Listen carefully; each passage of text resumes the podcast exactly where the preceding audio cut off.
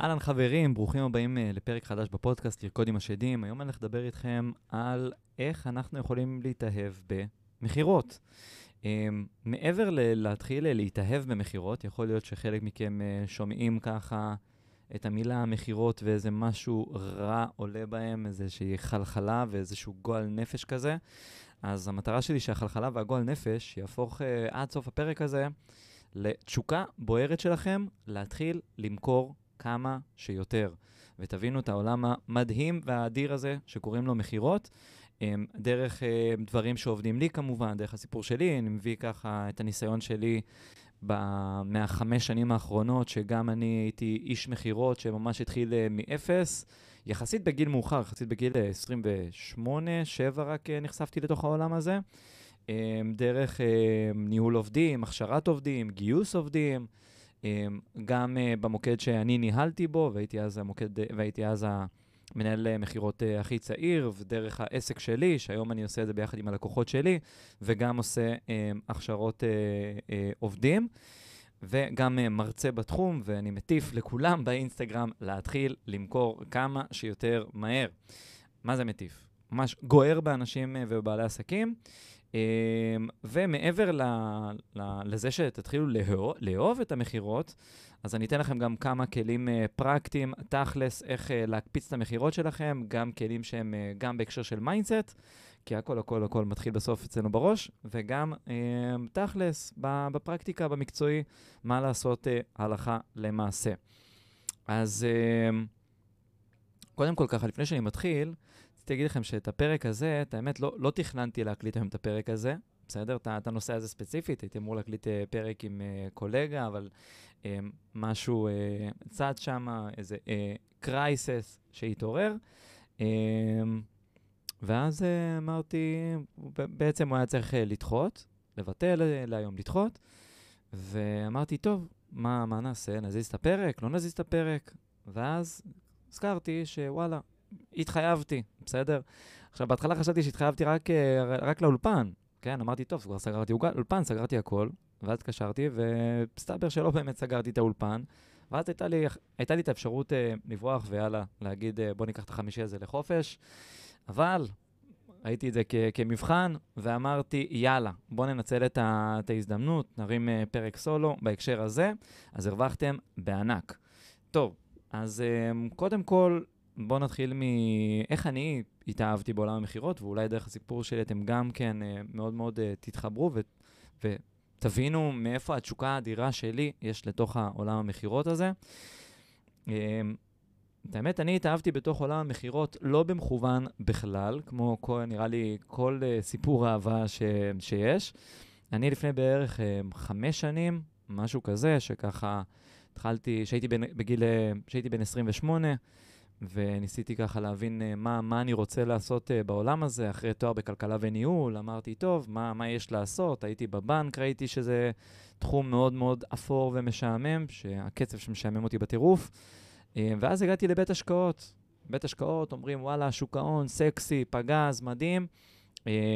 כזה, אני מדמיין את עצמי כזה בזאב של וול סטריט, יאכטות, בנות בפרצוף שלי, אפי האורים ועוד אלף ואחד דברים. ובסוף, uh, מה אומרים לך? טוב, אתה רוצה לנהל תיקי השקעות, אתה רוצה להיות יועץ השקעות, זה בגדול התפקידים שנחשבים הסקסים, uh, so called בעולם, ה, בשוק ההון. אז uh, תעבור קודם כל במחלקת מכירות. אוקיי, okay, בוא, תראה לנו, ת, ת, תרביץ מכירות, אחר כך תעשה את המבחנים, יש איזה מבחנים או הסמכות לניהול השקעות, לא זוכר כבר את המבחנים. Uh, ואז אחר כך אנחנו uh, נראה ונשקול אם לתת לך סטאז' והתמחות, ואז אחר כך להמשיך הלאה. אמרתי, טוב, יאללה, בוא, בוא נתחיל, מה, מה, מה זה מכירות? כאילו, אני בגיל 27-8, אף פעם לא מכרתי בחיים שלי, לא מכרתי כלום ושום דבר.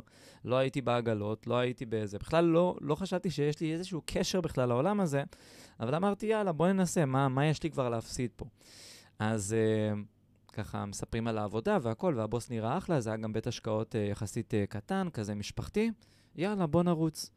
בקיצור, מפה לשם אני עובר את ההכשרה של המכירות, עובר את הכל, זה, זה חמישה ימים כאלה מלאים מרוכזים, שממש לימדו אותנו את הכל. אני מגיע ליום הראשון של העבודה שלי, ופתאום אני קולט, כאילו, ב, ב, כשאני בא לה אחרי חמישה ימים רצופים של הכשרה, איזה שמונה שעות כל יום, אני כאילו, אתם יודעים, ללמוד והכל זה נחמד, ועשינו קצת סימולציות וזה, ואז הגיע רגע האמת שאני צריך להוציא שיחת טלפון לבן אדם, עכשיו תבינו, אז הם לא עבדו על אה, לידים חמים, בסדר? זאת אומרת, הם לא... הוצאתי את השיחת טלפון, השיחת מכירות הראשונה שלי הייתה להוציא שיחת טלפון לבן אדם שהוא לא השאיר פרטים ולא התעניין בכלל בבית ההשקעות. לזה קוראים ליד קאר, אוקיי? ממש מספר טלפונים. עכשיו, לא רק זה שאני צריך להרים אליו טלפון, אלא זה היה טלפון לבן אדם שלא בטוח שזה הוא, אחר כך מסתבר, כי הם קנו דאטאות שהם יכולים להיות uh, דאטה ישנה יחסית. אני צריך לראות האם זה הבן אדם. בית השקעות זה היה בית השקעות יחסית קטן שאנשים לא מכירים אותו, זאת אומרת, אם הייתי אומר את השם, אז 90 אחוז גם יש מצב שגם אתם לא תכירו אותו, בסדר? לבדוק האם לבן אדם יש חמישי, חצי מיליון שקל נזיל בבנק, ולבדוק שהוא פנוי להשקעה לשנה הקרובה, ושהוא מוכן להיפגש עם בית ההשקעות שלנו. אוקיי? זה בעצם היה telemeeting, תיאום אה, לתיאום פגישות, אוקיי? עכשיו, שתבינו, ואמרנו, והפגישה הזאת היא ללא עלות, אנחנו היינו עושים לבן אדם וזה. זאת הייתה המשימה. עכשיו, השיחה הראשונה, אני לא, לא יודע איך לתאר לכם כמה, כמה shit עלה לי בכל הגוף, חלחלות, מה, להוציא בשיחת טלפון לבן אדם, להטריד אותו עכשיו באמצע החיים שלו ולעניין אותו בפגישה, בבית השקעות שהוא לא מכיר ובכלל לא התעניין וכל הדברים האלה. אז ישב איתי המנהל מחלקה אה, ליד, אני מוציא את השיחה הראשונה. אומר, טוב, יאללה, בוא, בוא נוציא את השיחה. הוא אומר, ת... המנהל מחלקה אומר לי, אל תדאג, הבוס שלי אז, אל תדאג, הכל טוב, הכל בסדר, מקסימום תשרוף את הלידים. השלב הראשון, קודם כל, זה להוריד את הבושה מלהרים uh, טלפון לבן אדם. אמרתי, יאללה, בוא, בוא נתחיל. קיצר, מפה לשם, היה לי מזל של מתחילים, באמת, גמגמתי בשיחות האלה, לא ידעתי מה, כאילו, ניגשתי לשיחה כאילו בחיים שלי לא דיברתי עם בן אדם אה, אה, בטלפון, בסדר? כאילו כזה. מרוב ההתרגשות ומרוב הלחץ, מהתחייה, ממה יהיה, איך זה ייראה, אוקיי, התחושה זה כאילו, זה כמו אה, ללכת, אה, בוא נגיד, בעיניים עצומות, בסדר? ולפחד ליפול מאיזשהו צוק, אוקיי? זה בדרך כלל מה שקורה לנו כשאנחנו עושים דברים חדשים. בגלל זה עדיף תמיד שיהיה איזשהו מנטור או איזשהו מישהו שכבר עשה את הדרך הזאת ויגיד, הכל טוב, הכל בסדר, אין שם צוק, תעשה את הטלפון, תעשה את המכירה, תעשה את ה-whatever שאתה צריך, והכל בסדר. גם אם זה לא יעבוד, אז לא נפלת ומטת, כולה בסך הכל נשרף לי.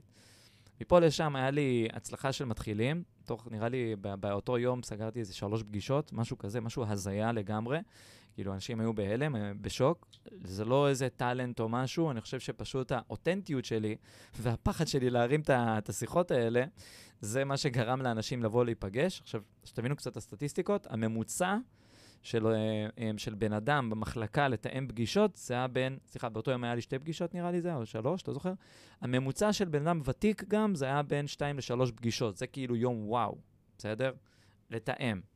אה, כאילו קיצון זה חמש, אז לבן אדם שהוא פעם ראשונה בחיים שלו מוציא זה, זה היה כאילו איזה שתיים, שלוש. ומן הסתם אחר כך התיישרתי, היה אחר כך, אה, אחר כך זה כבר התחיל קצת יותר לזרום, והתחלתי להבין את המשחק, התחלתי להבין את העניין, היה לנו ממש כאילו תסריט לאיך להחזיק את הבן אדם על הקו והכל, ואיך אה, לגרום לו ולהתחבר ו, אה, ו, ולהביא אותו בסוף לפגישה. אני רק נזכר בסיפור הזה, כבר מתייבש לי הפה. anyway, מפה לשם אני מתחיל, אני ממשיך, ממשיך שם בעבודה. בסדר? במחלקת מכירות, זו הייתה מחלקת מכירות מאוד מאוד קטנה, בין חמישה לשמונה אנשים. עוד שיחות ועוד שיחות ועוד שיחות, ואז מרוב ה- הלא שקיבלתי, שתבינו את המספרים, בסדר? הייתי מוציא בין 150 ל-200 שיחה ביום, בערך, אה, וזה בצורה מאוד מאוד אינטנסיבית, זאת אומרת, חמש וחצי, שש שעות אה, על הכיסא, לא זזים מהכיסא, רק מוציאים שיחות, יש לך אולי 10 דק, 20 דקות הפסקה כאילו בין לבין, כי זו מחלקה סופר אה, תחרותית ומאוד מאוד נמדדת על המספרים.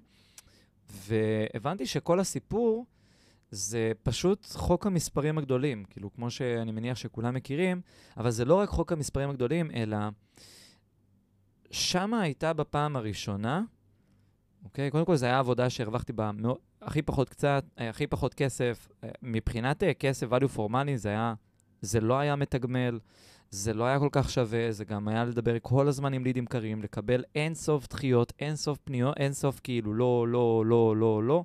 מעבר ללא, זה גם לשמור על, אה, על קור רוח ועל אנרגיה, כי רוב השיחות בכלל אנשים לא ענו. ועד שבן אדם עונה, אתה צריך להשאיר אותו על הקו, ועד שבן אדם משאיר על הקו, אז אתה צריך אחר כך לשכנע אותו לזוז מהבית ההשקעות הקיים שלו, הגדול והמוכר שהוא עובד איתו, או מהבנק הגדול והמוכר שהוא עובד, ולבוא עכשיו להיפגש עם בית השקעות קטן. שתבינו את המספרים, זאת אומרת, בין 100 ל-150 שיחות ביום, סליחה, בין 150 ל-200 שיחות ביום, מתוך זה עונים לך אולי 30 אנשים, מתוך זה רלוונטיים ויש להם כסף, אולי 15 איש, ואנשים שיש להם כסף, לא כולם משקיעים בשוק ההון, אז תצמצמו לעוד 10, ועוד uh, חמש אולי uh, רלוונטיים ואומרים לך לא, ואחר כך אתה צריך לעשות איתם פולו-אפים. זה היה ממש לחפש מחט בערימת שחת, אפשר למצוא, לקרוא לזה, בסדר? לחפש יהלום בערימה של shit. אשכרה כזה דבר. מפה לשם זה מה שעשיתי במשך אה, שנה שלמה, ומה שגרם לי לעשות את זה במשך שנה שלמה, זה פשוט אה, קלטתי איזה הזדמנות אדירה יש לי פה בחיים. בחיים, בסדר? בכלל. איזה שיעור אדיר ואיזה skill אדיר אני הולך לרכוש פה בחיים. ה skill הזה, המיומנות הזאת של לדעת לקבל לא, לא, לא, לא, לא, לא, לא, ועדיין להמשיך באותו קצב ועדיין באותו אנרגיה, ולא להישבר ולרוץ קדימה, זה לדעתי המיומנות מספר אחת שכל אדם חייב אותו בחיים שלו, אוקיי? כל דבר. אפשר לראות את זה גם ב dating, אפשר לראות שבן אדם הרי, אתם יודעים, אה, כמה דחיות אה, בן אדם יכול לקבל בדייטים, וכמה דחיות אה, בן אדם יכול, לקבל בחיי אהבה. או אני רואה מלא אנשים שמפחדים לגשת לבוס ולקבל העלאה, ולא עושים את זה בגלל דחייה. או שאני רואה חבר'ה שמפחדים uh, לעלות, לחשוף דברים נגיד ברשת, או להיפתח ולהיות הם. והסיבה, מספר אחת, שאנשים לא נחשפים ברשת, לא משווקים את עצמם, לא מוציאים את עצמם, לא הולכים לבקש העלאה, לא ניגשים לבחורה שהם רוצים להתחיל איתה עכשיו. הם לא עכשיו uh, שולחים את הקורות חיים למקומות, או לא עושים בעצם פעולות בחיים, זה הפחד מלקבל לא. ולי הייתה את ההזדמנות במשך שנה שלמה לדעת איך להתמודד עם הלקבל לא.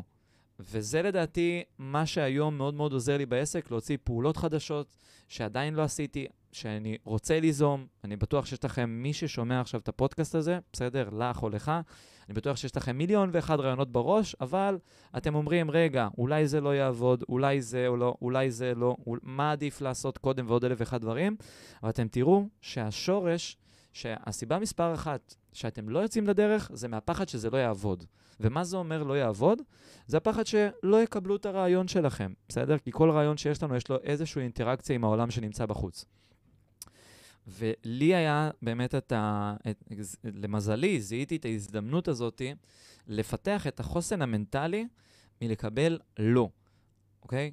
עכשיו, מעבר ל, ל, לחוסן המנטלי של לקבל לא ולהמשיך לרוץ קדימה, no matter what, ואת המיומנות הזאת, ותודה לאל שעשיתי את הדרך הזאת שמה, אני נכנסתי לבית ההשקעות בכלל להיות uh, מנהל השקעות, בסדר? זה מה שעניין אותי, שוק ההון. אבל משהו שם ב... לייצר uh, שיחה עם בן אדם, לתפוס בן אדם שאף פעם לא דיבר איתי בחיים שלו, ולייצר איתו כימיה מאוד מאוד חזקה, ותוך 6-7 דקות לגרום לו לבוא ולהתעניין בבית ההשקעות שלנו, ולהיפגש עכשיו עם בית השקעות שהוא בחיים לא דיבר איתו, ולגרום לבן אדם לחשוף בפניי את כל הסיפור שלו ואת מה שקורה אצלו, ו- אה, ולהיכנס לו אשכרה לכיס, בסדר? עכשיו, אני לא נכנס לו בכוח לכיס, הוא בוחר הוא אשכרה בוחר לשתף איתי מה קורה בהשקעות שלו, כמה כסף יש, במה הוא משקיע. היו שיחות שהייתי בכלל מדבר על הילדים שלו ועל אשתו ועוד על מיליון ואחד דברים, זה היה גם נשים וגם גברים.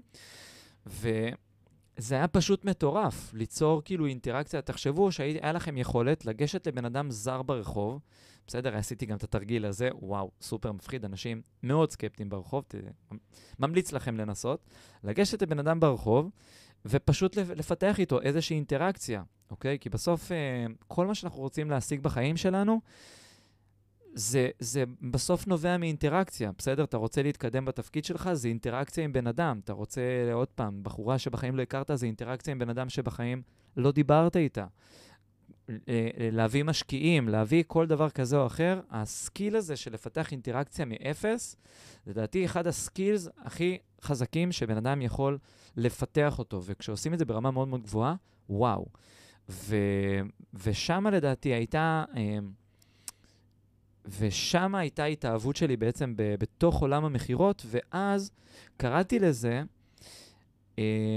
ש, קראתי לזה התאהבות בעולם המכירות. זאת אומרת, אמרתי, וואלה, פחות מעניין אותי עכשיו uh, לנהל תיקי השקעות ולשבת uh, מול אקסלים, כי ראיתי מה שאנשים עושים שם ביועצי השקעות וגם המנהלי השקעות, שיועצי השקעות אולי עושים את זה קצת בשטח וזה יותר uh, אנשי מכירות, אבל המנהלי תיקי השקעות, פתאום אני נכנס לחדר, אני רואה כאילו אנשים מסתכלים על מסכים, מתעסקים באקסלים כל הזמן, ואני אומר, וואלה, אני לא רוצה את השיט הזה.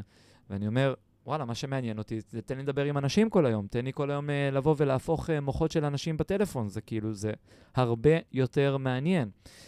ואז באותה תקופה, קלטתי שהרבה יותר מעניין אותי מכירות, והחלטתי, זה היה הפעם הראשונה שהיה לי איזשהו ניצוץ לגבי משהו בחיים שלי. אוקיי, מה זה ניצוץ לגבי משהו בחיים שלי? זה הפעם הראשונה שהיה לי באמת איזשהו כיוון בחיים, שרציתי אותו, שעניין אותי ורציתי להתפתח בו. להבדיל מהניהול תיקי השקעות ועולם הכלכלה, שכביכול, אני חושב שרציתי את הדברים האלה לא בגלל שאני באמת ידעתי מה עושים בדבר הזה, אלא רציתי את זה כי פשוט הסביבה שלי מאוד מאוד ציפתה שאני ארצה את זה. וזו הייתה הפעם הראשונה שבאמת ככה החלטתי ללכת אחרי הלב שלי. עכשיו, אני רואה הרבה מאוד חבר'ה צעירים שמחפשים, או חבר'ה שמחפשים איזשהו כיוון, בסדר? בין אם זה חבר'ה צעירים שמחפשים uh, כיוון uh, במה לעבוד, או למצוא את הייעוד שלהם, או חבר'ה אפילו שהם uh, משווקים עכשיו ורוצים למצוא את הנישה, ועוד uh, כל מיני, אתם יודעים, כל מיני חבר'ה שנמצאים עכשיו בצומת דרכים, שהם צריכים להחליט האם אני רוצה את זה, האם אני אתחבר לזה או לא אתחבר לזה. עכשיו, אני רואה מלא חבר'ה שהם כל הזמן... Uh, מחפשים את, ה, את האש, את הבעירה, את, ה, את, את הלהבה עכשיו שתתפוצץ, ואם זה לא זה במיליון אחוז, הם לא יוצאים לדרך. אז למזלי, היה לי את השכל לחפש להבה קטנה, משהו קטנטן, ש, שיבצבץ, ואז ללכת עם זה all in, בסדר? Um, כי אני רואה הרבה חבר'ה שיש את הלהבה הקטנה, אבל הם לא הולכים עם זה all in, הם כאילו אומרים, לא, זה לא זה, זה עדיין לא מדויק לי, זה עדיין לא, אני עדיין לא יודע, בואו ננסה עוד כיוון, בואו ננסה עוד כיוון. לא, יש לכם איזושהי להבה קטנה, משהו קטנטן שמעניין, רוצו עם זה עד הסוף, תגלו תוך כדי אם זה מעניין אתכם או לא, כי כשאני התחלתי לרוץ עם זה, בסדר? אז באותה תקופה, זיהיתי את הלהבה הקטנה ואמרתי, טוב, מה, מה הכי רחוק להיות איש מכירות? בוא נהיה אה, איש מכירות אה, בינלאומי. ואז כיוונתי להיות איש מכירות בינלאומי, ככה התגלגלתי אחר כך. היה שם הרבה, הרבה טאקלים, גם עם ה... אה, בוא נגיד, המשפחה שלי לא...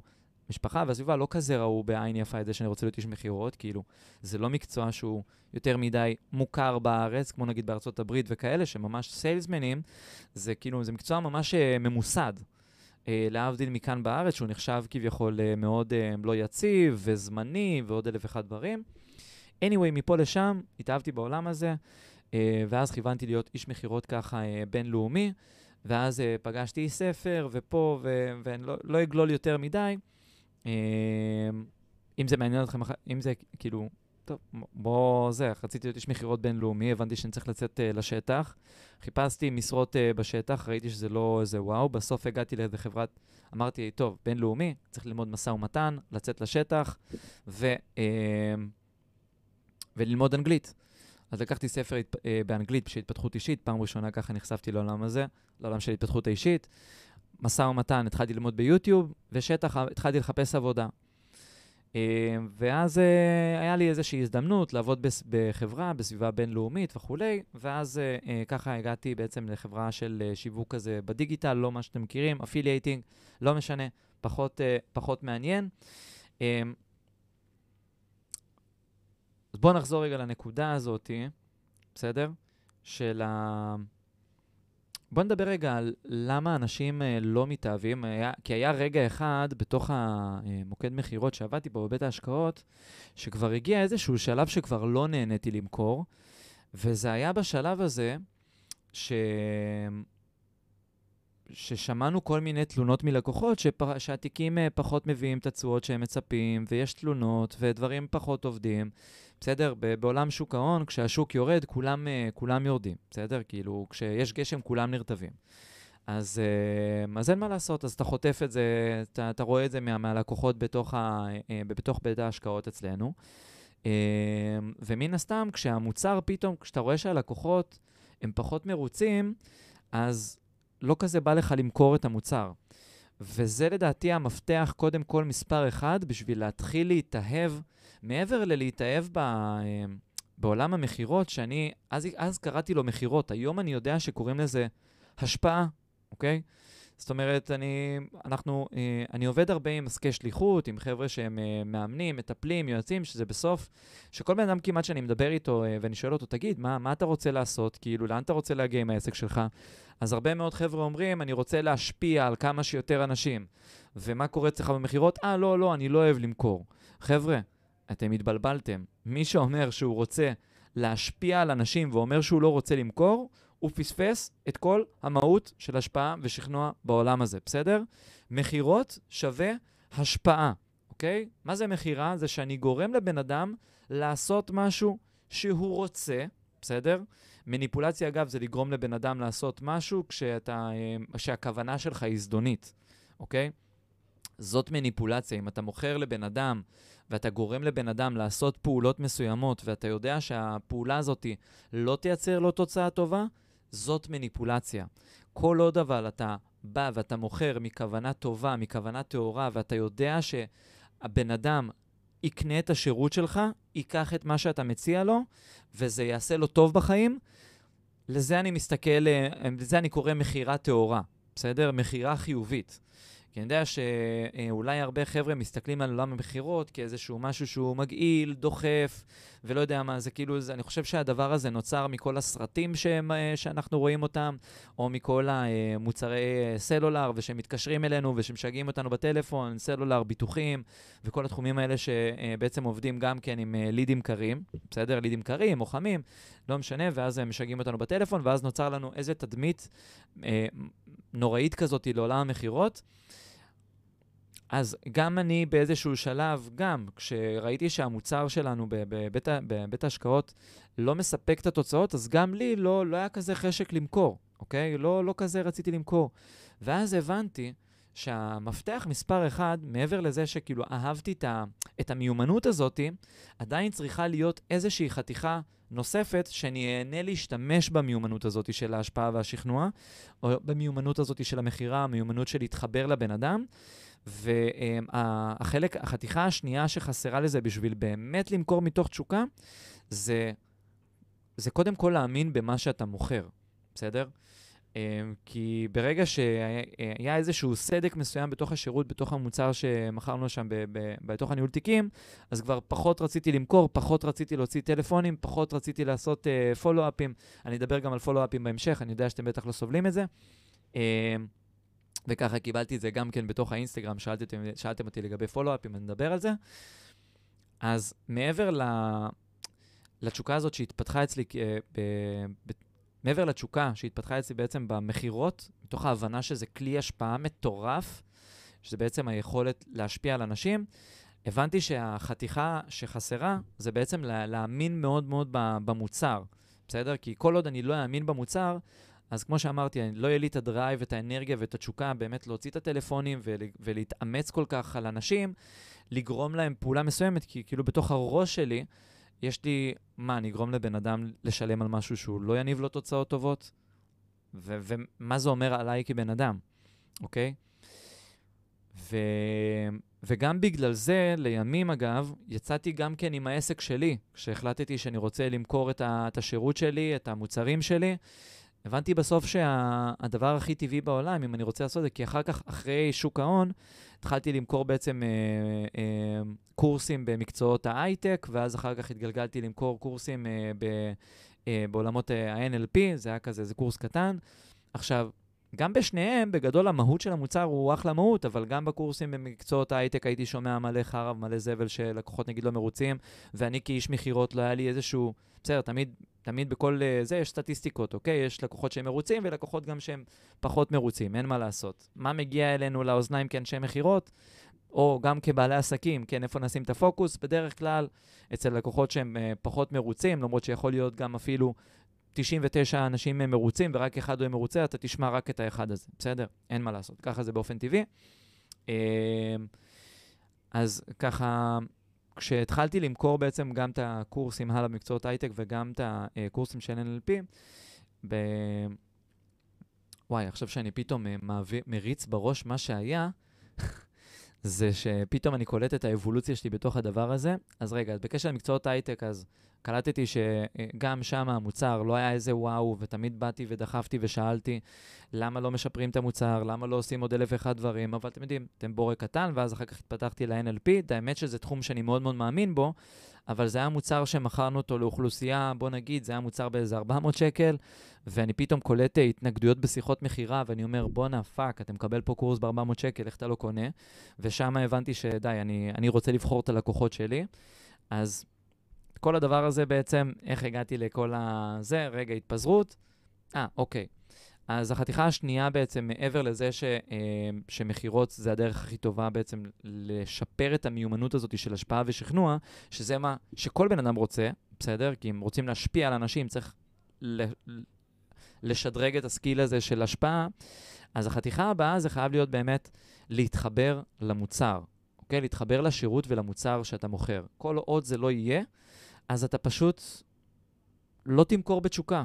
חד משמעית. אתה לא תילחם על המכירה הזאת, ולא תילחם, עוד מעט נדבר גם על מה זה אומר מכירה, במילים אולי קצת אחרות, ולתת לכם פרספקטיבה אחרת לגבי מכירות, אמ, ואז יהיה מאוד מאוד קשה להתחבר למוצר.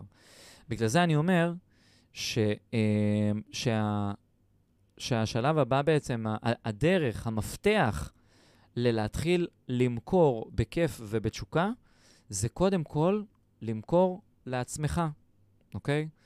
אני קורא לזה, המכירה מתחילה מבפנים. סבבה? המכירה מתחילה מבפנים וממשיכה אחר כך בשיווק.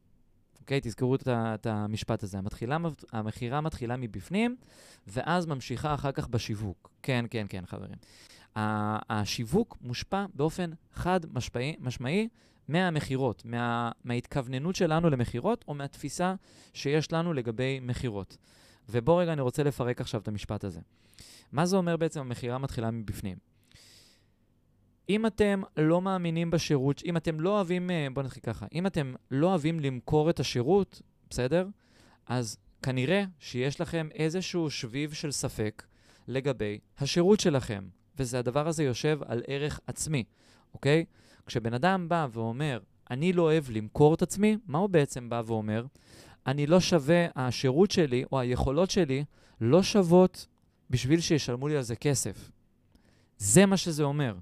או, לחלופין, זה אומר, וואלה, אני לא יודע, יכול להיות שיש אולי פתרונות יותר טובים ממני בשוק, בסדר? מאוד, מאוד פשוט, חד וחלק. אני זוכר שהיה לי גם כן, אה, עם אה, לקוח, הייתה לי שיחת מכירה שלי, פגישת מכירה, ששם לי מתעניין, היום כבר לקוח שלי, כפר עליו לקוח אדיר, ונתתי לו את ההצעה ואת הכל, בסדר? ואז הוא בא, טוב, אני רוצה ללכת uh, לבדוק, כאילו לבדוק עוד אפשרויות. אמרתי לו, מה יש לבדוק? הוא אומר, לא, אני רוצה לבדוק אם יש אולי הצעות אחרות. אמרתי לו, תקשיב, זה הדבר הכי טוב שיכול לקרות לך בחיים. ומעבר לזה, שאלתי אותו, באתי ושאלתי אותו, תקשיב, אתה נותן גם ללקוחות שלך, שהם באים אליך ומתעניינים אצלך, ללכת לעשות השוואת מחירים? עכשיו, אני לא מדבר איתכם על, אה, לא יודע מה, על אה, אייפון נגיד שזה משנה, או מוצר פיזי, בסדר? או מוצר שזה לא בעצם אה, שירות, אלא מוצר פיזי שאנחנו מוכרים, ואז אפשר למצוא את אותו דבר בדיוק במחיר אחר. לא, שירות זה לא אותו דבר. אי אפשר להשוות בינך לבין בן אדם אחר, בסדר? למרות שאולי על הנייר השירות אותו שירות, אבל ברגע שמי שנותן את השירות הוא משתנה, השירות הוא אחר לגמרי. אז שאלתי אותו, תגיד, אתה גם נותן ללקוחות שלך ללכת לעשות השוואת מחירים? הוא אומר, כן. אמרתי לו, אתה, אתה מבין מה קורה פה? זאת אומרת, למה אתה נותן להם לעשות השוואת מחיר? מה, בגלל שאתה חושב שיש הצעה יותר טובה בשוק? ואז כזה הוא ישב וחשב, ואז נפל לו האסימון. וואלה. כנראה ש... מה, מה, מה האסימון שנפל שם? האסימון שנפל שהוא הבין שאם הוא נותן ל, אה, לאנשים לקבל ממנו הצעת מחיר, ואז אחר כך ללכת לעשות השוואה בתוך השוק, מה הוא בעצם משגר לצד השני? הוא משגר לצד השני, כן, סבבה, לך תעשה בדיקה, יכול להיות שתקבל הצעה יותר טובה. נראה לכם הגיוני? נראה לכם, האם נראה לכם באמת הגיוני לשדר לבן אדם לצד השני, שיכול להיות שיש הצעה יותר טובה משלכם בשוק? אוקיי? בגלל זה אני אומר, שהמכירה קודם כל חייבת להיות מבפנים. מה זה מבפנים? למכור לעצמנו, תמכרו, אתם חייבים קודם כל למכור לעצמכם שאתם הדבר הכי טוב שיכול לקרות לבן אדם שנמצא מולכם. אם יש לכם איזשהו ספקות, אם יש לכם איזשהו סדק באמון במוצר שלכם, בשירות שלכם, במה שאתם נותנים, אלוהים ישמור, אתם חייבים קודם כל לעבוד על הדבר הזה ולכסות את זה, בגלל שלא משנה אפילו אם תהיו הכי זולים שיש בשוק, לא תצליחו למכור לאף אחד ולא תצליחו לגדול בתוך העסק שלכם, אוקיי? תמיד, תמיד, תמיד יהיה את ה... את, ה, את השבב, את, ה, את השבר, ב, את הסדק באמון הזה, אוקיי? אז קודם כל, בגלל זה המכירה חייבת להיות קודם כל להתחיל מבפנים, אוקיי? Uh, וזה ממש uh, לעבוד, על לשכנע את עצמכם, על למה אתם הכי טובים בעולם. אתם יכולים ממש לקחת, קחו תרגיל פרקטי, שאני עושה אותו גם כן עם לקוחות שלי, שאני מזהה שהם מאוד מאוד מפחדים למכור, או מפחדים להציע את השירות שלהם, בסדר? עכשיו, אם, uh, כשה, כשהסדק uh, בפנים, אוקיי? ברגע שבן אדם לא כל כך מאמין בשירות שלו, ושהוא לא חושב שהשירות שלו הכי טוב שיש ever בעולם, אוקיי? ושווה באמת את המחיר שיש, עכשיו, בסדר, מן הסתם, אם אתם... אה, זה לגיטימי לחשוב שיש אנשים אולי יותר טובים בשוק ועוד אלף אחד דברים, אבל אם אתם חושבים שכרגע הפ, אתם הפתרון הכי טוב שיש לבן אדם שנמצא מולכם, אתם צריכים להיות באמונה שלמה באמת שאתם הפתרון הכי טוב ש, של הבן אדם שנמצא מולכם. אם לא, מה שאתם צריכים, כשזה לא קורה, סליחה, לפני זה, כשזה לא קורה, זה יבוא לידי ביטוי גם ברשת, בתוך השיווק, בסדר? השיווק שלכם לא יהיה 100% אותנטי, אתם לא תרצו למכור בתוך הרשת, אתם לא, ת, אתם לא תניעו לפעולה אנשים בתוך הרשת אם אתם לא תאמינו במוצר שלכם, ובגלל זה אני תמיד אומר שהמכירה חייבת להתחיל מבפנים, ואז אחר כך היא ממשיכה הלאה בתוך השיווק. אגב, אני קלטתי את זה עוד מעט אני אגיד לכם גם למה זה, אה, למה למרות שהייתי גם איש מכירות הרבה מאוד שנים, גם כשיצאתי עם העסק שלי, עדיין לא מכרתי, לא, לא הבאתי לידי ביטוי את, את, את המיומנות מכירה ועדיין פחדתי למכור. עוד שנייה, אבל נשים את זה ככה בכוכבית, את הסוויץ' הזה. אמ, איפה הייתי? אה, אז מה שאני בא להגיד זה שבעצם המכירה חייבת, חייבת, חייבת להתחיל מבפנים. והמכירה שמתחילה מבפנים זה בעצם לבנות את האמונה השלמה שלי לגבי המוצר שלי. ואם אתם לא סגורים, קחו דף ועט, ומה שאתם הולכים זה רושמים 50 סיבות ללמה, למה, 50 סיבות ללמה הבן אדם צריך לעבוד איתכם, בסדר? עכשיו, אל תהיו מאפנים יבשים, כי אני נותן לו יחס אישי, כי אני נותן לו זה, לא. אל תרשמו את הסיבות האלה, תרשמו מה התועלות, 50, אה, אה, במקום סיבות, בסדר? תרשמו את הדברים הבאים. מה 50 תועלות, אוקיי?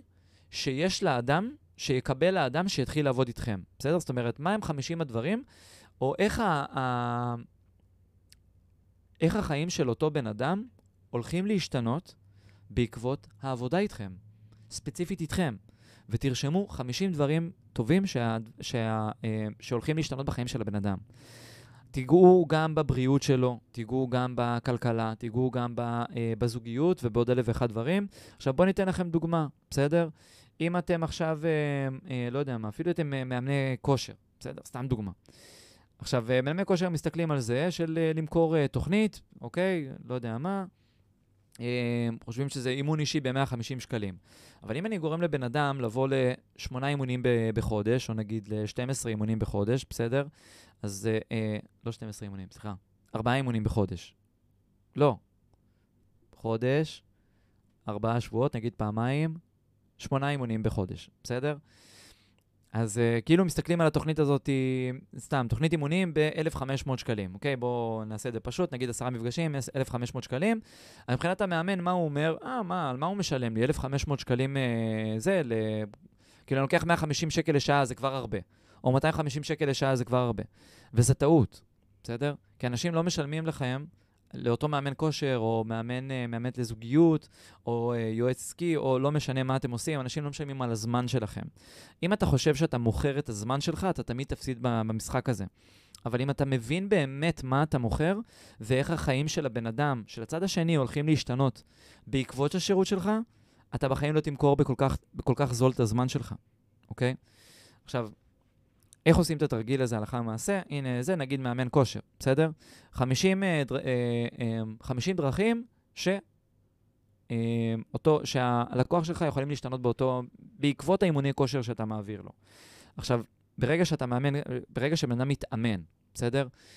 אז מופרש לו אנדרופינים. ברגע שמופרש לו אנדרופינים, אז הביטחון העצמי שלו עולה, עולה לו אנרגיה, עולה לו החיות. ברגע שהחיות והאנרגיה וה, והביטחון עולה, אז הערך העצמי עולה. ברגע שהערך העצמי עולה, גם uh, uh, מעבר לכל ההשלכות וההשפעות וכל הדברים הטובים שקורים ספציפית בספורט, שהבן אדם יותר בריא, מוריד אולי את במשקל ונראה יותר חתיך, ו, uh, והוא, והוא הרבה יותר uh, נושם יותר טוב, והולך יותר טוב, ואז הוא יכול, וברגע שהבריאות של הבן אדם uh, עולה, בסדר?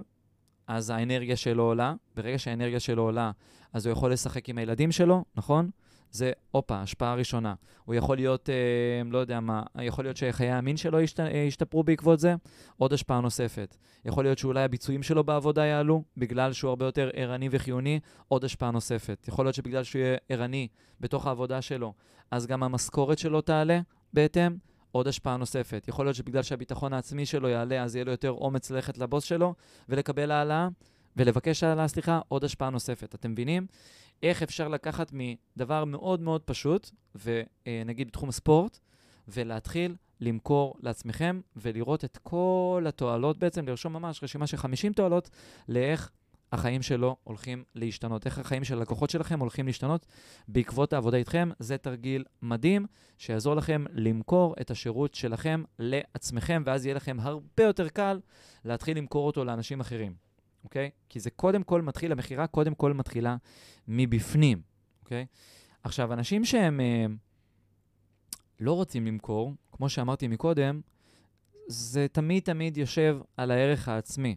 זה, שוב, אני אה, בא ואני חוזר ואומר, חבר'ה, אם יש לכם סלידה ממכירות, אם אתם, אה, לא יודע מה, שומעים את המילה מכירות ומצטמררים, או שאתם אה, תמיד חושבים שזה לשכנע, אוקיי? אם אתם חושבים שלמכור את השירות שלכם זה מניפולציה, כנראה שאתם חושבים שהשירות שלכם הוא לא טוב. מאוד מאוד פשוט. כי מה זה מניפולציה? כמו שאמרתי מקודם, בסדר? כשאתה גורם לבן אדם לעשות פעולה שהיא לא תביא אותו לתוצאה טובה, זאת מניפולציה. עכשיו, אם אתם חושבים שהמחיר, שלגרום לבן אדם לקנות את השירות שלכם לא יביא לו תוצאות טובות, זאת מניפולציה, ואתם לא מאמינים בשירות שלכם. נקודה. הכי פשוט שיש. אז תתחילו קודם כל למכור את השירות שלכם. עכשיו, בואו נדבר רגע על uh, הקטע הזה שאנשים uh, חושבים. Uh, יש, uh, יש את האמירה הזאת של אם הוא רוצה, הוא יקנה, נכון? אם היא רוצה את השירות שלי, היא תקנה. אם הוא רוצה את השירות שלי, הוא יקנה. אני לא צריך לדחוף לו שום דבר. אז בואו נדבר רגע על הרצונות, בסדר? בואו נדבר רגע על מה זה רצון בכלל. בואו נפרק את הדבר הזה, אוקיי? קודם כל, בני אדם לא מקבלים החלטות מתוך הרצונות שלהם, אוקיי? מאוד מאוד פשוט. רוב בני האדם, תזכרו טוב טוב את המשפט הזה, סבבה? מה זה רוב? כל בני האדם לא מקבלים החלטות לוגיות ורציונליות, אוקיי? מה זה אומר? מכירים את החבר'ה האלה שהם רוצים לרדת במשקל, רוצים להתאמן, רוצים זוגיות יותר טובה, רוצים לעשות יותר כסף, נכון? מי לא רוצה את זה? כולנו רוצים את זה. מה הבעיה? עכשיו, אם אנחנו רוצים את זה, אז הרציונל אומר, הראש אומר, אוקיי, אם אתה רוצה את זה, יש פעולות שצריך לעשות בשביל להשיג את הדברים האלה, מאוד מאוד פשוטות, שהן פעולות רציונליות, אבל עדיין אנחנו לא עושים אותן, עם כל הרצון שלנו. למה לדעתכם זה לא קורה? גם בן אדם שמאוד מאוד רוצה, אישה שרוצה לרדת במשקל, גבר שרוצה לרדת במשקל, לא עושה את זה, הוא מאוד מאוד רוצה את זה, אבל הוא לא עושה את זה. הוא רוצה לשווק, אבל הוא לא עושה את זה. הם רוצים לעשות יותר כסף. הם יודעים מה הפעולות שהם צריכים לעשות, אבל הם לא עושים את זה, אוקיי? אתם מבינים שאם היינו אנשים באמת, אם היינו מקבלים החלטות בצורה רציונלית, מתוך הרצון שלנו האמיתי, אז היינו נמצאים במקום אחר לגמרי. אבל מה לעשות שאנחנו לא מקבלים החלטות רציונליות? האדם שיושב מולכם בשיחת המכירה, הוא יגיד לכם שהוא רוצה לרדת במשקל, הוא יגיד לכם שהוא רוצה מאוד לעשות כסף, בסדר? יחד עם הרצון הזה, אוקיי? מגיעים עוד אלף ואחד פחדים שיש לו בראש, שלזה קוראים, אה, נקרא לזה אולי התנגדויות פנימיות או תת-המודע שלנו, בסדר? היום, בתהליך קבלת ההחלטות שלנו, אני לא אכנס לכם יותר מדי תת-מודע, לא מודע, אבל בגדול, מה זה רציונל? רציונל זה מה שאנחנו יודעים, זה המודעות שלנו, בסדר? היום המודע שלנו, יש לו השפעה של 5%. 5% הוכח מחקרית שאנחנו מקבלים החלטות בצורה רציונלית, אוקיי? בוא נגיד, יש לנו 100, ת, תדמיינו 100% מההחלטות שלנו ביום, בסדר? תציירו כזה עיגול, 100% מההחלטות uh, שלנו שאנחנו מקבלים ביום, 5% בלבד אנחנו מקבלים בצורה רציונלית, באופן מודע, 95% אנחנו מקבלים מהחלטות ברמה לא מודעת, מהתת-מודע שלנו בכלל, אוקיי? שהן החלטות לא רציונליות בעליל. מה זה החלטות רציונליות ולא רציונליות? בואו בוא נפשט את הדבר הזה. עכשיו אתם uh, רוצים לרדת במשקל, עכשיו, הראש שלכם יודע שלדפוק את הקינדר בואנו לא טוב בשביל לרדת במשקל. אבל מה אתם אומרים לעצמכם? מה אנחנו אומרים לעצמנו?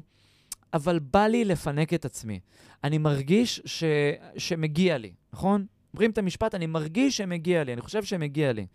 עכשיו, דופקים את הקינדר בואנו, ואז אחר כך מצטערים על זה שדפקנו את הקינדר בואנו, נכון? למה זה קורה?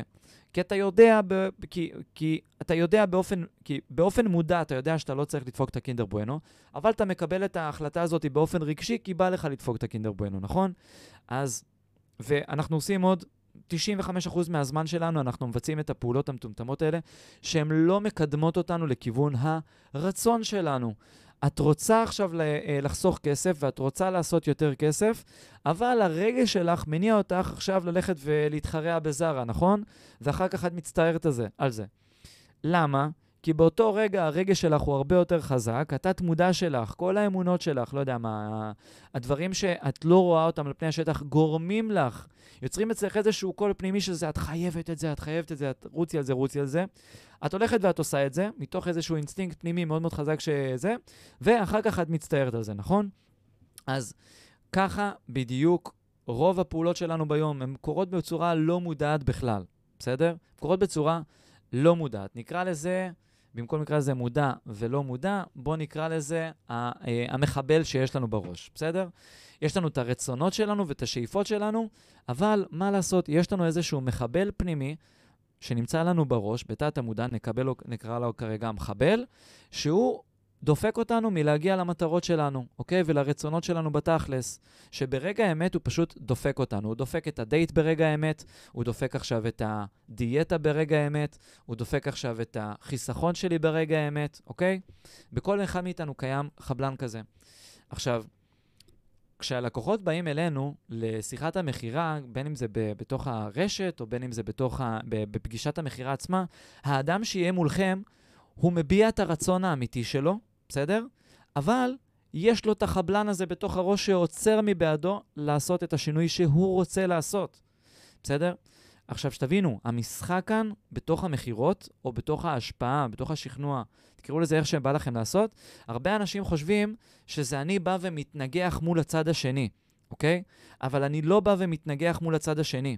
אני מתנגח מול החבלן, אני רוצה לעזור לבן אדם, בסדר? כל האנשים שאומרים, אני רוצה, החלום הגדול שלי זה להשפיע על כמה שיותר אנשים ולהשפיע על כמה שיותר אנשים, והוא חושב שהוא הוא, הוא משפיע על בן אדם לקנות עכשיו את המוצר שלו ולא נעים לו, כי הוא מרגיש עכשיו שהוא בא מול הבן אדם, אז הוא פספס את כל המטרה, בסדר? המהות של השפעה, ככה אני תופס את זה, זה לעזור לאנשים בצד השני להגיע לרצונות שלהם ולנצח את החבלן הפנימי שיש להם בפנים, אוקיי?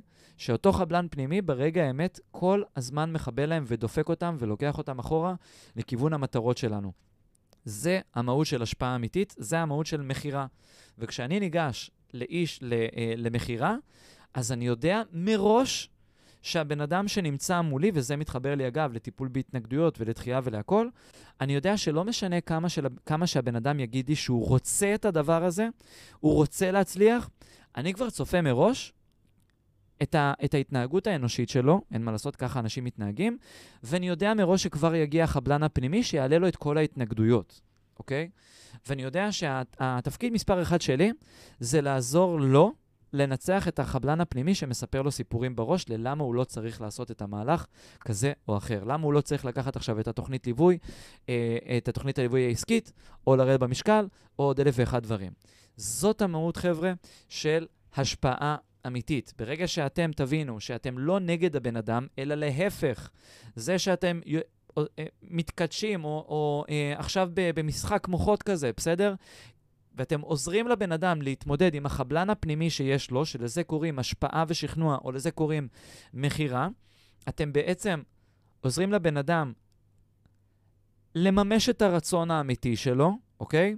שמה, שמה ייפול לכם באמת האסימון, ושמה אתם תתחילו להתאהב בתוך הדבר הזה, לתוך העולם שקוראים לו מכירות, ואז אתם לא תפסידו אנשים, ואז אתם, כל הקשקוש הזה של אם הוא ירצה הוא יבוא, חבר'ה, זה קשקוש ענק. אנשים רוצים ולא באים. אנשים רוצים לרדת במשקל והם לא יורדים. אבל זה לא בגלל שהם לא באמת רוצים, זה בגלל אותו חבלן פנימי שיש להם, שברגע האמת לא מאפשר להם לעשות את השינוי, לא מאפשר להם לשים את הכסף, לא מאפשר להם עכשיו להתחייב לאיזשהו תהליך, לא מאפשר להם עכשיו ליצור איזשהו חוסר, אה, לעשות עכשיו איזושהי פעולה שהיא מחוץ לאזור הנוחות שלו, אוקיי? ובגלל זה, זאת המשימה מספר אחת שלנו, כאנשי השפעה ושכנוע, למי שרוצה באמת להשפיע בעולם, זאת הדרך. עכשיו, מתוך הדבר, מתוך ההבנה, אוקיי, שקודם כל אם אנשים ירצו הם יבואו, זה קשקוש, אז משם גם יהיה לכם הרבה יותר קל לעשות את הפולו-אפים, והרבה יותר קל לעשות שיחת מכירה כמו שצריך, או פגישת מכירה, ולא עכשיו לעשות הצעת מחיר, אה, לשלוח הצעות מחיר, ולהגיד אם הוא ירצה הוא יבוא, אם לא, פאקים. לא, זה טעות, בסדר? אנחנו אנחנו צריכים לתת יד, להושיט יד לאנשים עזרה ולעזור להם להתגבר על החבלן. הם לא יצליחו להתגבר על החבלן הפנימי שנמצא להם אם לא נעשה שיחת מכירה. הם לא יצליחו לעשות את השינוי אם לא נעשה פגישת מכירה, אם לא נייצר מעמד מכירה, אם לא נייצר צ'אנס אמיתי, בסדר? נקרא לזה צ'אנס אמיתי, להתמודד עם החבלן הזה. צ'אנס אמיתי להשפיע על הבן אדם הזה ולשנות לו את החיים. וזה גם אני... אה, בגלל זה גם תמיד יש לי בראש שלי שהשירות שה, שלי, השירות שאני נותן, הוא מתחיל בכלל מהשיווק, הוא מתחיל בכלל מהמכירה, אוקיי? כי כאילו יש איזו אמונה בראש של אנשים, אני אוהב רק לעבוד עם האנשים ש, שנמצאים אצלי, בסדר? אני אוהב לתת את השירות שלי, אני לא אוהב לשווק, אני לא אוהב למכור. כאילו, מצד אחד, אנשים אומרים, אני רוצה להשפיע בענק, אוקיי? מצד שני, הם אומרים, אני לא רוצה למכור, אני לא רוצה לשווק, אני רוצה להשפיע בענק רק על האנשים שקונים ממני. אבל אתם מבינים את האבסורד שנמצא כאן? אני רוצה להשפיע בענק רק מהאנשים שקונים ממני, או רק מהאנשים שמגיעים אליי? אתם מפספסים פה חתך אוכלוסייה אדיר, אדיר, אדיר, אדיר, אדיר. כשאתם לא משווקים כמו שצריך, כשאתם לא מוכרים כמו שצריך, אתם... אה, הנה, זה בדיוק זה. שימו לב לדוגמה של החבלן הפנימי. אנשים אומרים, אני רוצה להשפיע בענק, אבל ברגע האמת, אתם לא מוכרים, ברגע האמת אתם לא משווקים, ברגע האמת אתם לא עושים את הסרטון, או חושפים עכשיו את הסיפור, או נלחמים עכשיו על, ה- על הלקוח, למרות שאתם יודעים שזה מה שצריך לעשות, לא עושים את ה follow-up, למרות שאתם יודעים מה שצריך, שזה מה שצריך לעשות. זה בדיוק, הנה, דוגמה חיה live לזה שאנשים, לזה שאנשים לא באמת פועלים מתוך הרציונל, הם לא פועלים מתוך הרצון. בסדר? רצון, רציונל, אומר לכם משהו, כן? הם לא פועלים בצורה, בצורה רציונלית, הם פועלים, פועלים בצורה רגשית, אוקיי? אז ברגע שתבינו שהשירות שלכם הוא לא מתחיל רק מהרגע שהבן אדם משלם לכם את הכסף, אלא הוא מתחיל עוד לפני שהבן אדם משלם את הכסף, וכשאני קורא לזה שירות, אני לא קורא לשירות שלי רק שירות, אני קורא לדבר הזה השפעה. מן הסתם, היכולת שלי להשפיע על בן אדם היא הרבה יותר גדולה. בסדר, ברגע שבן אדם משלם לי את הכסף, אז הוא הרבה יותר מחויב. בסדר, ברגע שגרמתי לו, השפעתי עליו לעשות את המהלך, את השינוי שהוא צריך לעשות בחיים שלו, ולהתחייב לשינוי באמצעות זה שהוא שילם לי את הכסף, אז מן הסתם ההשפעה היא הרבה יותר גדולה. הוא כבר שמה 70-80% מהתוצאה שלו, זהו, זה הסיפור, בסדר? אז בשביל לגרום לה, להגיע לדבר הזה, בשביל לגרום לבן אדם לשלם לי ולעשות באמת, מה, מה זה הרי בסוף, בסוף מכירה, מה זה בסוף מכירה, אוקיי?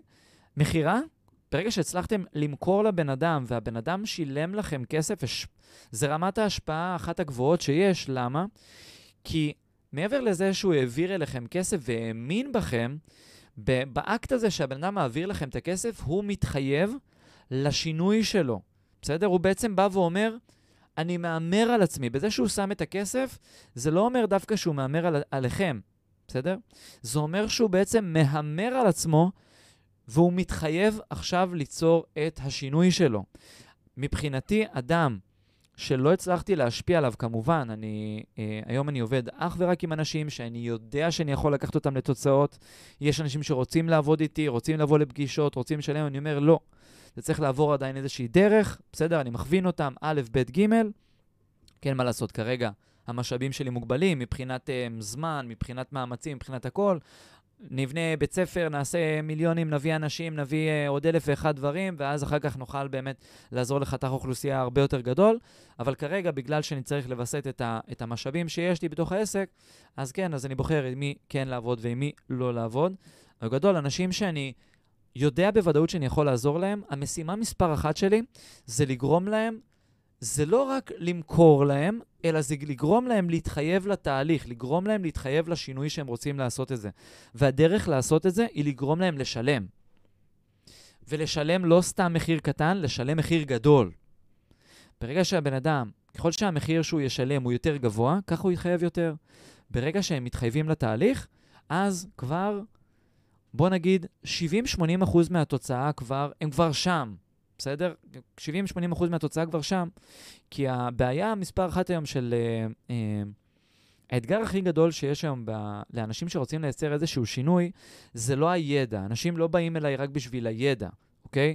ידע קיים בטונות, בערימות. בגלל זה אני תמיד אומר לחבר'ה, מה שאתם מוכרים, בסדר? מה, הידע שאתם נותנים בתוך השירות שלכם, תנו אותו כבר ברשת, אוקיי? וזה אגב, זה בא לידי ביטוי כשאני אומר, השירות שלנו מתחיל כבר מהשיווק וכבר, וממשיך למכירות, ואז אחר כך כביכול השירות כאילו הופך בכסף, אבל בגדול ההשפעה, הרי מה זה השירות? השירות, השירות שאני נותן לבן אדם זה אני מביא אותו לתוצאות. וה, ואני מביא אותו לתוצאות דרך זה שאני משפיע עליו. עכשיו, אני מסתכל על זה, למה לחכות שהבן אדם ישלם לי כסף? בוא נעשה את זה כבר בשיווק, בוא נעשה את זה כבר במכירות, ואז אחר כך הבן אדם ישלם לי כסף על זה שהוא מתחייב ליישם את כל הידע שאני נותן לו. כי בשיווק הם מקבלים את הידע, אבל הם לא מחויבים לעשות. במכירה הם מקבלים גם כן את הערך ואת ההכוונה, אבל הם לא מחויבים לעשות. כשהם משלמים, אז הם כן מחויבים לעשות, ואז אחר כך, שם באמת מייצרים תוצאות. הסתכלתי רגע, אני מקבל כל מיני רטט, חשבתי שאמרו לי שזהו, שנגמר הזמן. רגע, אני שותה רגע שלוק. אה, יפה.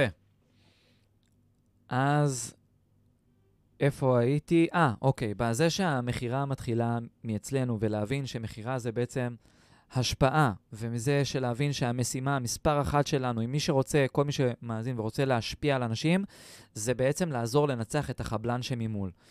ו, אה, כי החבלן שממול זה בעצם ההחלטות הלא רציונליות שאנשים אה, מקבלים, שדופקות אותם בחיים שלהם, אוקיי? ומתוך ההבנה הזאת, אחר כך הרבה יותר קל לי לטפל בהתנגדויות. ובואו נדבר רגע על טיפול בהתנגדויות. ההתנגדויות שמגיעות מהצד השני, בסדר, אני יודע שאנשים שונאים התנגדויות ולוקחים ללב התנגדויות. קודם כל, תבינו, התנגדויות היא לא, זה, זה לא משהו אישי אליכם.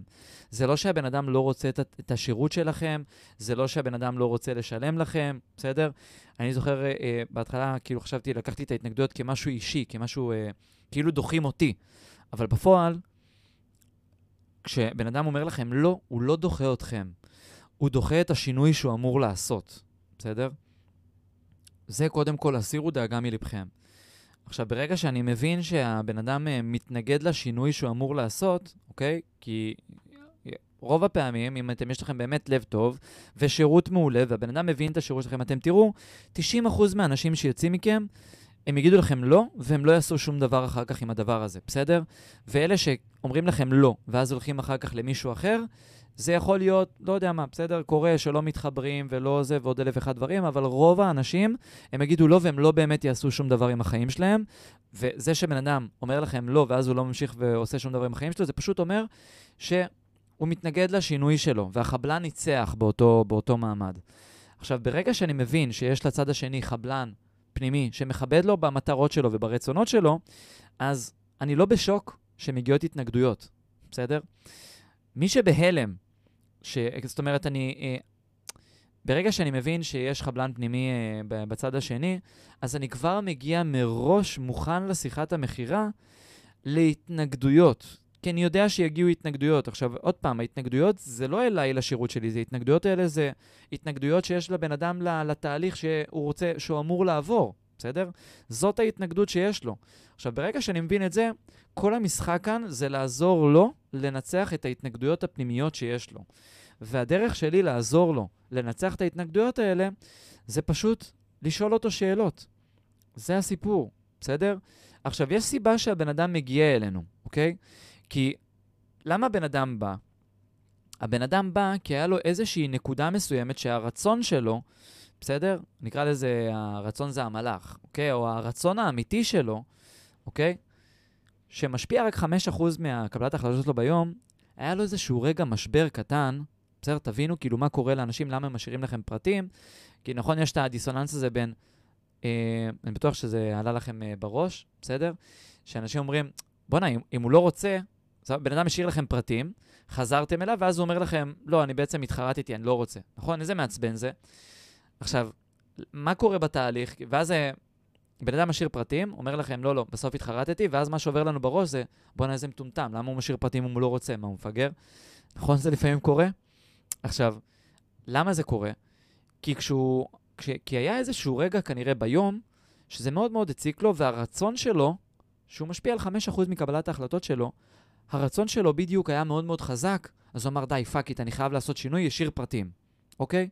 ואז מה שקורה, עובר זמן, ויכול להיות שבאותה נקודת זמן, שחזרתם לא, לאותו lead, למישהו שהשאיר פרטים, פתאום הוא כבר היה ב mode שהרצון שלו כבר לא היה שמה, והיה ב mode שהחבלן שלו, החבלן הפנימי שלו, הוא זה שדיבר, והוא אמר, לא, לא, לא, לא, לא צריך, אתה לא צריך את הדבר הזה. נתן לו איזשהו קול פנימי, שהמעצור הפנימי אומר לו, לא, לא צריך, ואז מה שקורה, 95% מהזמן זה, מה, זה, זה, ככה אנשים מתנהגים, ואז אומרים, לא, אני לא צריך.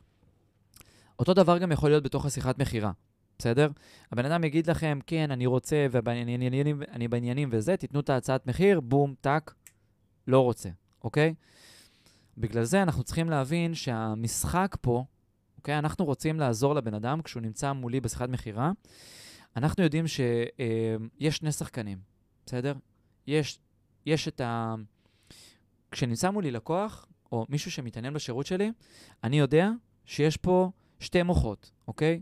יש לו את המוח הרציונלי, שהוא רוצה לטובתו, הוא רוצה את מה שהוא באמת רוצה, אבל המוח הרציונלי הוא הרבה יותר חלש מהמוח החבלן, בסדר? מהחבלן הפנימי, שמחבל לו בפעולות שלו ומחבל לו מהזה, בוא נקרא לזה דוד בגוליית, אוקיי? דוד זה הקטנצ'יק, זה הרצון שלו, גוליית זה הגדול, חזק, הוא משפיע על רוב הזמן מה, מה, מהיום שלו.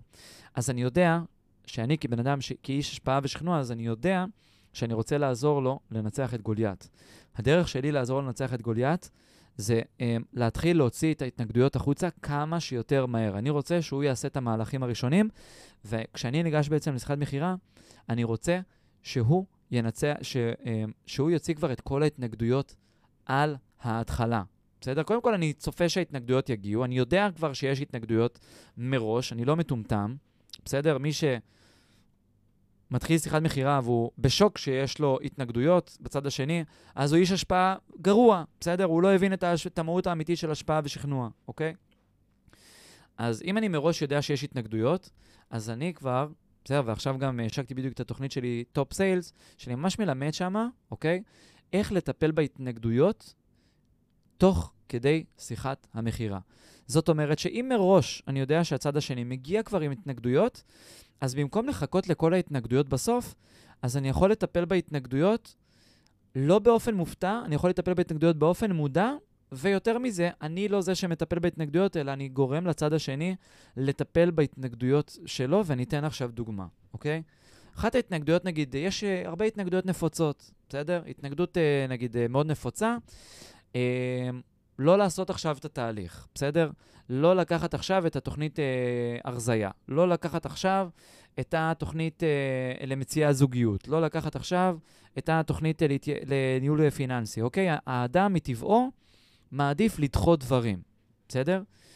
עכשיו, זאת התנגדות, אוקיי? החבלן תמיד יגרום לנו, החבלן שנמצא ממול והחבלן הפנימי שלנו, תמיד יגרום לנו לדחות דברים. תגיד, תמיד יגיד לנו, זה לא הזמן הנכון, זה לא הזמן הנכון. שהילדים יהיו בגן או, אה, אה ויהיה לך זמן, אז תפתח את העסק. כשיהיה לך כסף, אז תשים שיווק. שתעבור לבית הגדול שלך, אז תעשה עוד אלף ואחד דברים. כשה, כשה, כשה, נכון? תמיד כשיש כשה, כשה, כשה. אז אני יודע מראש שהבן אדם שנמצא מולי, בטוח, בטוח, איפשהו, איפשהו, איפשהו, יכול להיות שיש לו את ההתנגדות הזאת. עכשיו, במקום להיות בשוק ולתת לו את המחיר בסוף, ואז הוא יגיד, וואלה, זה בול מה שאני צריך, אבל נראה לי שאני לא אעשה את זה עכשיו, אני אחכה איזה חודש, חודשיים, אני כבר בתחילת השיחה, אני שואל אותו, אוקיי, למה פנית דווקא עכשיו? למה דווקא עכשיו אתה רוצה את השירות הזה? בסדר? ואני מדבר כמובן על תהליכי, אה, תהליכי ליווי מתקדמים, כמובן, אני מדבר על תהליכים שהם ככה יותר מהותיים, שאמורים לעשות איזשהו שינוי מאוד מאוד גדול אה, בחיים של בן אדם, אז כשהשינוי הוא גדול, בין אם זה שינוי בזוגיות, בין אם זה שינוי בספורט, בכושר, בכסף, ש, שזה שינויים מאוד מאוד גדולים ורגשיים, אז אני רוצה לשאול את הבן אדם, למה לעשות את השינוי הזה דווקא עכשיו? וכשאני שואל את השאלה הזאת בתחילת השיחה, מה אני גורם לבן אדם בעצם לעשות? לשכנע את עצמו ולשבור כבר את ההתנגדות שאולי עלולה להיות לו, אוקיי? זאת אומרת, מראש אני שובר את ההתנגדות ללמה לעשות את השינוי עכשיו. ואז מה, בשאלה הזאת, הוא יתחיל להגיד לי בתחילת השיחה למה לעשות את זה עכשיו. הוא יתחיל להעלות את כל הסיבות ללמה הוא רוצה לעשות את זה עכשיו. לא רק שהוא יעלה את הסיבות, הוא גם ייזכר בכאב שלו ובבעיה שיש לו, סליחה, ובבעיה שיש לו ובתסכול שיש לו, לבד. ואז מה שיקרה, אני מכניס אותו בעצם ל-state of mind של, אה, אני מחזיר אותו לאותו רגש שלילי ולאותו רגש, אה, נקרא לזה, לאותו רגש חזק, שגרם לו להשאיר את הפרטים עכשיו, אוקיי? וברגע שאני שם אותו במקום הזה, אז קורים פה כמה דברים נפלאים. אחד, כשנגיע לסוף הוא כבר לא יהיה לו את ההתנגדות של למה עכשיו, כי הוא כבר שכנע את עצמו והוא לא ישבור את המילה שלו. שתיים, אני מעלה אצלו את הצורך לקחת את השירות עכשיו, לעשות את השינוי. עזבו את השירות שלכם או את המוצר. בסדר? השלב הראשון זה קודם כל לגרום לבן אדם לעשות שינוי. בין אם זה יהיה דרך המוצר שלנו, בין דרך, אם לא דרך המוצר שלנו, בסדר? השלב הראשון זה קודם כל לגרום לבן אדם לקבל החלטה לעשות שינוי, אוקיי? זה קודם כל. אז בזה שאני שואל אותו למה דווקא עכשיו, שאלה סופר עוצמתית שתפתור לכם הרבה מאוד התנגדויות בהמשך. דבר נוסף, בסדר? עכשיו, אני יודע שעוד, אה, נגיד, התנגדויות נוספות שיש בחבלן הפנימי, בטוח אתם uh, קיבלתם את זה, בסדר? Um, התנגדויות, נגיד, של לא סומך על עצמי, לא סומך על עצמי לקבל את ההחלטה הנכונה. אוקיי? בן אדם שהוא בא ואומר, אני צריך להתייעץ עם, כנראה שהוא לא סומך על עצמו, בסדר? עכשיו, גם את זה אפשר לטפל בדבר הזה. יכול להיות שהוא אומר שהוא לא, לא סומך על עצמו, או שהוא לא מספיק ראוי אה, לעשות את השינוי הזה, עוד אלף ואחד דברים, אוקיי? גם שם אפשר לחזק אותו, ואפשר לשאול, תגיד רגע, במי זה תלוי? האם יש עוד מקבלי החלטות שצריכים לדעת מהשינוי שאתה הולך לעשות עכשיו, או האם יש עוד מקבלי החלטות שהם גם כן סביב ההחלטה האדירה הזאת שאתה עושה עכשיו? בסדר? אפשר גם כן לשאול, אותה, לשאול אותו בתחילת השיחה, אם זה נגיד מוצר או שירות, שאתם יודעים, אפשר לעשות את זה בשאלון, שאתם יודעים שנגיד אתם, אה, סתם נגיד בהדרכת הורים, אוקיי? אם יש עוד מישהו שמקבל את ההחלטות, וזה לא מישהו שהוא רק סומך על עצמו, או לא אמון לקבל את ההחלטה, אפשר לפתור את ההתנגדות הזאת ומראש להביא את ההורה השני, בסדר? בשביל ש... ואם אה, אנשים אומרים, לא, אין להם זמן ועוד אלף ואחד דברים, תראה, אם זה לא כזה משהו חשוב, אז סבבה, הסיבה שאני רוצה שהצד השני, לא יודע מה, שההורה, האמא או אבא יבואו גם כן וישמעו גם כן מה יש להציע. זה בשביל שתדעו לקבל את כל המידע כמו שהוא, כי אני מניח שאם אני אעביר לך את המידע ואתה תעביר אותו הלאה, זה לא יצא מדויק כמו שאנחנו נעשה את זה בשלושתנו, נכון? נכון. אחלה. בום. גם זה מכירה, אגב. לגרום לבן, להביא את המקבל ההחלטות, זה גם לגרום למכירה וההשפעה והשכנוע. בסדר? זה אותו דבר בדיוק. אז מה שאתם יכולים לעשות בעצם, זה לקחת את ההתנגדויות שיש מראש, בסדר? יש כמובן את ההתנגדויות של היקר לי, ואת ה... אני צריך לחשוב על זה, זה לא באמת התנגדות. אבל יהיה לכם הרבה יותר קל, בסדר? יש עוד uh, מלא טכניקות בתוך התוכנית שלי, Top Sales, אבל יהיה לכם הרבה מאוד, גם אתם יכולים לראות uh, כל הטיפול uh, בהתנגדויות או שאלת שאלות, גם בכל מקום כזה או אחר, אבל המפתח לפתור התנגדויות באמת זה קודם כל להבין, אחד, זה קודם כל להבין שזה לא התנגדות אליי, או, או שדוחים אותי, אלא זה התנגדות של הצד השני ל, לעשות את השינוי שהוא צריך לעשות, בסדר? והאם אני צריך לעזור לו לצלוח את זה או לא? כן, אני צריך לעזור לו לצלוח את זה או לא, כי דיברנו מקודם שרוב האנשים יגידו שהם רוצים, רוצים, רוצים, אבל לא יעשו את הדבר הזה בגלל אותו חבלן פנימי. אז אנחנו רוצים לעזור לבן אדם, קודם כל אנחנו יודעים שבהנחת, אה, אה, ההנחה הבסיסית, שבן אדם יתנגד לשינוי שלו, בסדר? זה קודם כל. כן, בן, בן אדם מתנגד לשינוי שלו, הוא לא מתנגד אלינו. דבר נוסף, זה, זה לדעת שההתנגדויות יגיעו, בסדר? לא להיות בשוק שההתנגדויות יגיעו, אוקיי? אם אני יודע כבר מראש שההתנגדויות יגיעו, אז אני כבר רוצה לבן אדם, תוך כדי שיחת המכירה, לעזור לו לצלוח את ההתנגדויות. איך עושים את זה? באמצעות, כמו, כמו שאמרתי, שאלת שאלות. אתם יודעים שיש תמיד התנגדויות של... קחו את, הכי, את ההתנגדות הכי מוכרת שיש לכם, בסדר? בתוך העסק, שאתם שומעים אותה כל הזמן, אוקיי? ותכינו את הבן אדם כבר להתנגדות. זאת אומרת, סתם לדוגמה, אם אתם שומעים הרבה פעמים יקר לי, בסדר? למרות שהתנגדות יקר לי זה לפעמים ההצעה היא לא בנויה כמו שצריך, יכול להיות שאתם אה, עובדים עם קהל שאין לו כסף, יכול להיות שאתם לא יודעים להציג את ה... זה בסדר, יקר לי זה מכל מיני זוויות, אבל אני נגיד יודע, בסדר, אני אתן לכם דוגמה, שאני נגיד מוכר uh, את התוכנית ליווי שלי בכמה עשרות אלפי שקלים, ואני יודע שמישהו שאין לו שום אינדיקציה, ל... והוא לא הוציא שקל על uh, שיווק בעסק שלו, או לא הוציא שקל על uh, קורסים דיגיטליים בשביל ללמוד שיווק או מכירות, ולא השקיע בייעוץ עסקי לפני, אז בשבילו, ליווי עסקי של כמה עשרות אלפי שקלים זה יישמע לו יקר, כי אין לו איזושהי אינדיקציה או מדד לגבי מה זה יקר או לא יקר.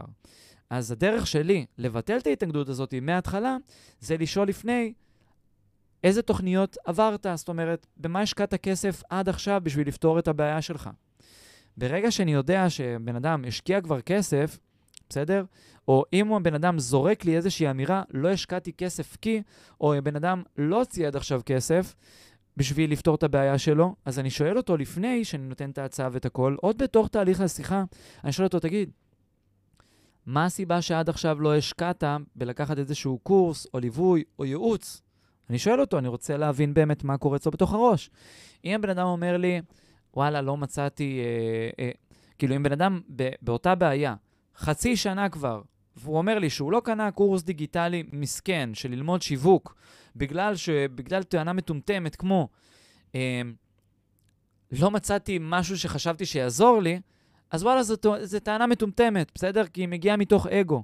כי יש מלא קורסים טובים בשיווק, ופשוט פחדת לשים את הכמה שקלים האלה, אני קורא במרכאות את, את הסיכון, בגלל כאילו, כי לא מצאתי משהו שימשוך אותי. אתה לא יכול לדעת מה ימשוך אותך עד שלא תשלם ותשים את הכסף. אתה לא יכול באמת לדעת עד שתעשה את הצעד הזה, וחס וחלילה, ת, ת, עכשיו תסכן איזה כמה עשרות או מאות שקלים אה, מה, מה, מהזהב שלך, בסדר? אז חבר'ה כאלה, נגיד, אני רואה את זה מראש, ואומר להם, טוב, קודם כל בוא, בוא תוכיח לי שאתה באמת רוצה את זה. תשים את הכסף שאתה באמת רוצה זה, שתבין באמת מה, מה מדובר, אוקיי? וזה גם צריך להכיר מאוד מאוד טוב את הקהל שלנו ואת השוק, ולהבין שם, בסדר, יש עוד, אה, וואי, אני יכול לדבר איתכם אה, מיליון ואחד על, אה, בנושא של מכירות, ולהבין האם כמה בן אדם בשל או לא בשל. אם תרצו, אני אעשה לכם גם כן עוד פרק כזה, אתה יודע מה? לא שואל אתכם, כותב לי ככה בצד לעשות לכם עוד פרק נוסף לגבי להבין בשלות של בן אדם, האם הוא באמת בשל uh, לשירות שלכם או לא. אבל מה שאני כן רוצה שתיקחו מכאן, וככה uh, נחתום את, ה, את, כל ה, את כל הפרק הזה, זה שבסוף האנטיות על מכירות, בסדר? זה נוצר מאיזושהי תדמית ש, של, של עולם המכירות, אוקיי? אבל ברגע שאני מבין שמכירה זה בעצם להשפיע על הצד השני, ולהשפיע זה לא לעשות עליו מניפולציה, לגרום לו לעשות דברים שהוא לא רוצה, אלא זה לגרום לו, לעזור לו לנצח את החבלן הפנימי שנמצא אצלו בפנים, והוא עוצר בעדו להגיע, לממש את הרצונות שלו ולהגיע ל, ליעדים שלו, בגלל שאנחנו לא מקבלים החלטות בצורה רציונלית, אלא מקבלים החלטות רוב הפעמים בגלל החבלן הפנימי, מתוך התת-מודע, מתוך הרגש שלנו, שהוא לא מחובר למציאות בשיט, אז הרבה יותר קל לי לגשת לתוך התהליך הזה שקוראים לו מכירה. עכשיו, מעבר לזה, ובזה אני מסכם, תבינו, הסלידה גם ממכירות וגם משיווק, זה מגיע מאיזשהו פחד מתחייה מסוימת, לקבל את ההתנגדות. אבל ברגע שאני מבין שההתנגדות היא בכלל לא נמצאת, ההתנגדות היא לא לשירות שלי, אלא ההתנגדות של האדם שנמצא מולי. זאת התנגדות שיש לו לשינוי שלו, אז מכאן כבר הרבה יותר קל לי, ואני מתחבר באמת למהות שלי, כי המהות שלי היא לעזור לאנשים ליצור שינוי. אבל הם לא יעשו שינוי אם אני לא אעזור להם לנצח את החבלן הפנימי. הדרך לעשות את זה היא דרך תהליך מכירה. היא דרך שיווק שמדבר, פסיכולוגי, שמדבר על הכאבים, שגורם להם למכור, גורם להם בעצם, נקרא לזה, אה, בעצם אה, דרך השיווק שלי, אני גורם לאדם ליצור, דרך, דרך השיווק או דרך המכירות, אני גורם לאדם, משכנע את האדם ליצור את ה... אה, לעשות צעד בעצם ולעשות את השינוי שהוא צריך לעשות, אוקיי? Okay? כי בלעדינו, חבר'ה, הם לא יעשו את זה.